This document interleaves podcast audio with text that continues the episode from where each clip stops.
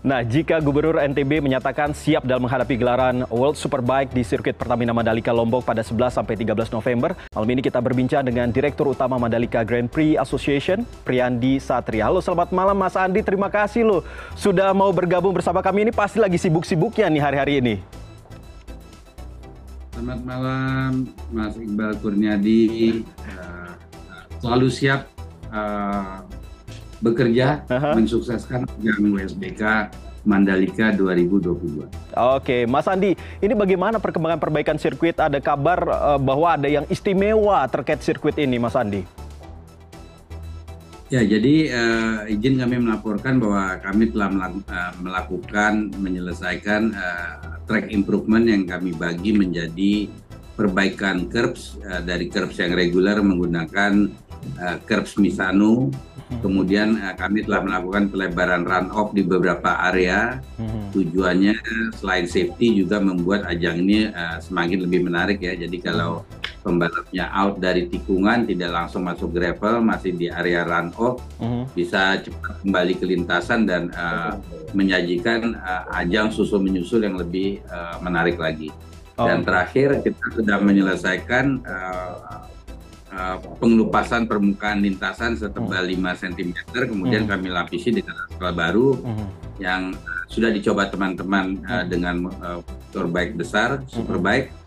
Hasilnya menurut mereka cukup bagus, sangat bagus. Oke, berarti ini artinya bahwa kalau tahun lalu ada sedikit uh, permasalahan ataupun komplain begitu dari para pebalap terkait dengan adanya kerikil-kerikil, ini dijamin tidak akan ada lagi kerikil-kerikil itu yang akan uh, menyerang mereka begitu ya Mas Andi ya?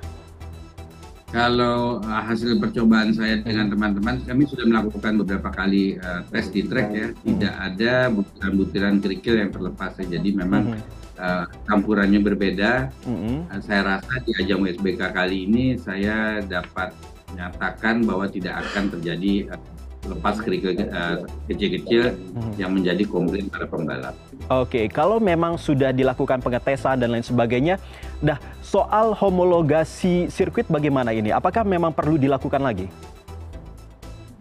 Ya, uh, homologasi ini seyogianya dan seharusnya dilakukan setiap kali menjelang balap ya. Jadi uh, dua hari yang lalu kami telah bertemu dengan Tamara, salah uh -huh. satu tim official yang hadir di sini uh, belum secara resmi tapi beliau sudah memasuki sirkuit melaku, uh, mengelilingi sirkuit melihat uh-huh. permukaan sirkuit uh, safety area curbs yang baru runoff yang baru uh-huh. prinsipnya homologasi grade B ini dapat diberikan untuk melangsungkan ajang WSBK uh-huh. namun resminya tentunya baru akan diberikan hari Kamis uh, besok sebelum melakukan uh, sesi kualifikasi Oke, kalau kita berbicara soal sirkuit sendiri memang sudah selesai begitu. Tapi kalau secara umumnya bagaimana uh, Mas Andi melihat uh, kalau kita uh, ketahui bersama memang seperti Marshall, terus juga ada tim kesehatan dan sebagainya itu apakah sudah siap juga? Ya, jadi kesiapan ini kami bagi menjadi dua ya. Pertama mm -hmm. kesiapan balap mm -hmm. dan yang kedua adalah kesiapan non balap. Mm -hmm. Kalau kesiapan balap ini meliputi Marshall, berbagai perlengkapan, berbagai uh, safety area. Mm -hmm jadi kalau Marsal kita sudah mengambil Marsal yang lama hmm. yang WSB uh, MotoGP, hmm. namun tentunya 100% ada semua, ada yang sudah mendapat kerjaan, ada yang sudah pindah. Jadi kami melakukan rekrutmen lokal lagi uh, dari Mandalika, hmm. kemudian melebar uh, sampai satu uh, Lombok, uh, satu pulau NTB kami rekrut. Hmm itu sudah dilakukan training dari IMI uh-huh. sebagai uh, federation di Indonesia perpanjangan tangan dari FIM sudah ada di sini melakukan training uh-huh. uh, FIM sendiri bersama IMI tadi pagi sudah memeriksa berbagai kelengkapan peralatan marsial mulai dari bendera pemadam kebakaran malah sudah melakukan simulasi kebakaran uh, semuanya sudah lengkap oke okay Uh, dan yang non balapnya ini ya persiapan uh, pembuatan area parkir yang hmm. lain-lain lain, tenda hmm. dan lain-lain. Hmm. Tapi kalau soal pebalapnya sendiri bagaimana? Kalau kita tunggu-tunggu uh, ada informasi bahwa uh, belum semuanya tiba di Lombok. Apakah justru untuk hari ini sudah semuanya siap sedia? Sudah ada semuanya? Uh, khusus pembalap jadi persepsinya beda nih. Kalau hmm WSBK tahun lalu sama MotoGP 2022 kan mm-hmm. memang sengaja kami meminta semua pembalap dan tim ini datang dengan charter flight satu pesawat yeah. karena kita menerapkan sistem bubble ini kan masih mm-hmm. uh, COVID. Mm-hmm. Nah setelah COVID-nya sudah tidak ada lagi, mm-hmm. pembalap ini datangnya dengan free will. Jadi Dorna sendiri pun tidak mengatur jadwal uh, keberangkatan kedatangan mereka sehingga mm-hmm. kami sendiri juga tidak mengetahui uh, detailnya. Mm-hmm. Tapi beberapa pembalap saya lihat udah ada yang posting di sosmed segala ya, ada mm-hmm. jalan-jalan mm-hmm. di Bali, ada yang surfing, ada yang foto di depan sirkuit Mandalika. Mm-hmm. Jadi saya sebagian besar pembalap sudah ada di Indonesia hari mm-hmm. ini uh, datang beberapa ya toprak uh, hari ini datang mendarat jam 6 sore. Mm-hmm. Jadi satu persatu sudah berdatangan sudah siap.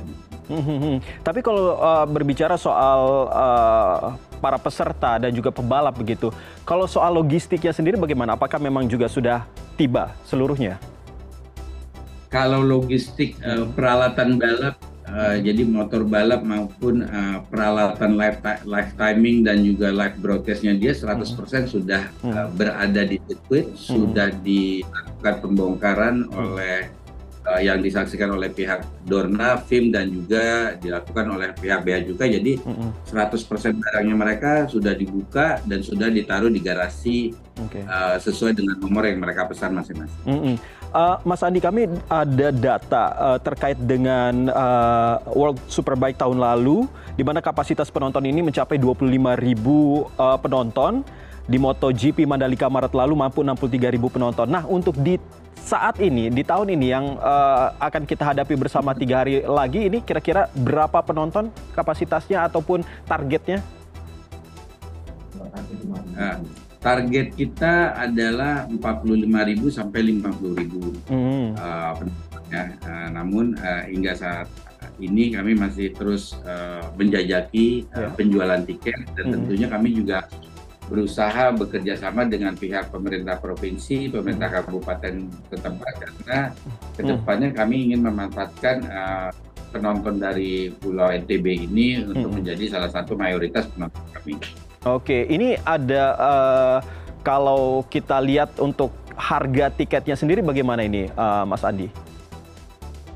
Harga tiketnya uh, sudah kita diskusi saat melakukan launching di Jakarta bulan lalu. Mm -hmm.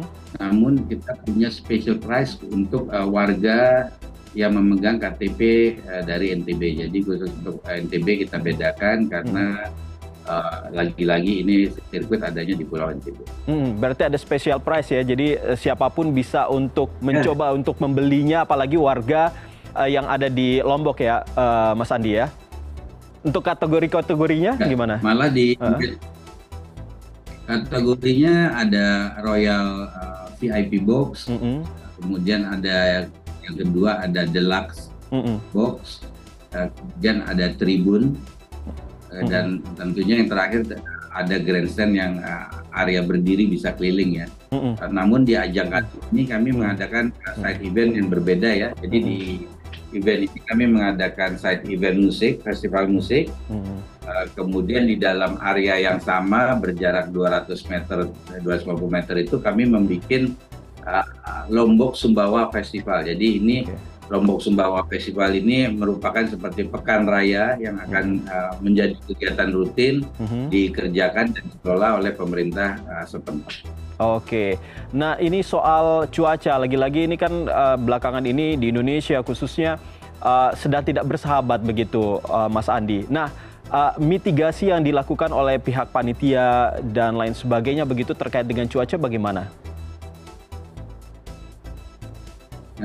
Kami sendiri sudah berkoordinasi dengan pihak Dona dan FIM, malah -huh. juga uh, kami sendiri punya uh, alat pemantau cuaca dan tim dan Dona juga membawa alat sendiri. Kami sepakat kemungkinan hujan di acara balap adalah 50-50. Mm-hmm. Uh, namun dari mereka membiarkan uh, apa yang akan terjadi ya terjadi. Uh, jadi Pak mereka juga sudah bilang kepada para pembalap kemungkinan hujan ini ada. Okay. Sehingga ya, kalau hujan ya hujan kita balap dengan, dengan uh, wet tire ya. Jadi mm-hmm uh, begitu yang mereka sepakati dengan kami. Mm-hmm. Uh, Mas Andi tadi uh, menarik berbicara soal Toprak sendiri yang uh, mungkin saja bisa memegang kunci juara begitu. Apakah ada persiapan khusus begitu untuk di sirkuit terkait dengan hal ini?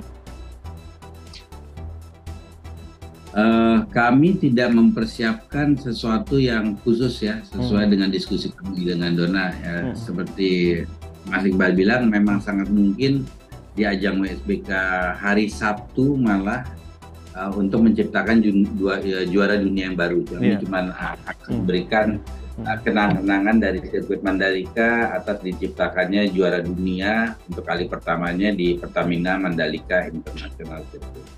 Oke, baik. Terima kasih Mas Andi. Itu tadi uh, Direktur Utama Mandalika Grand Prix Association, Priyandi Satria, sudah berbincang dengan kami di malam hari ini. Semoga acaranya bisa berjalan lancar dan sukses ya, uh, Mas Andi ya. Baik, terima kasih banyak baik. atas harus setuju Mas Iqbal. Baik, malam. Mas Andi. Selamat malam, Mas Andi.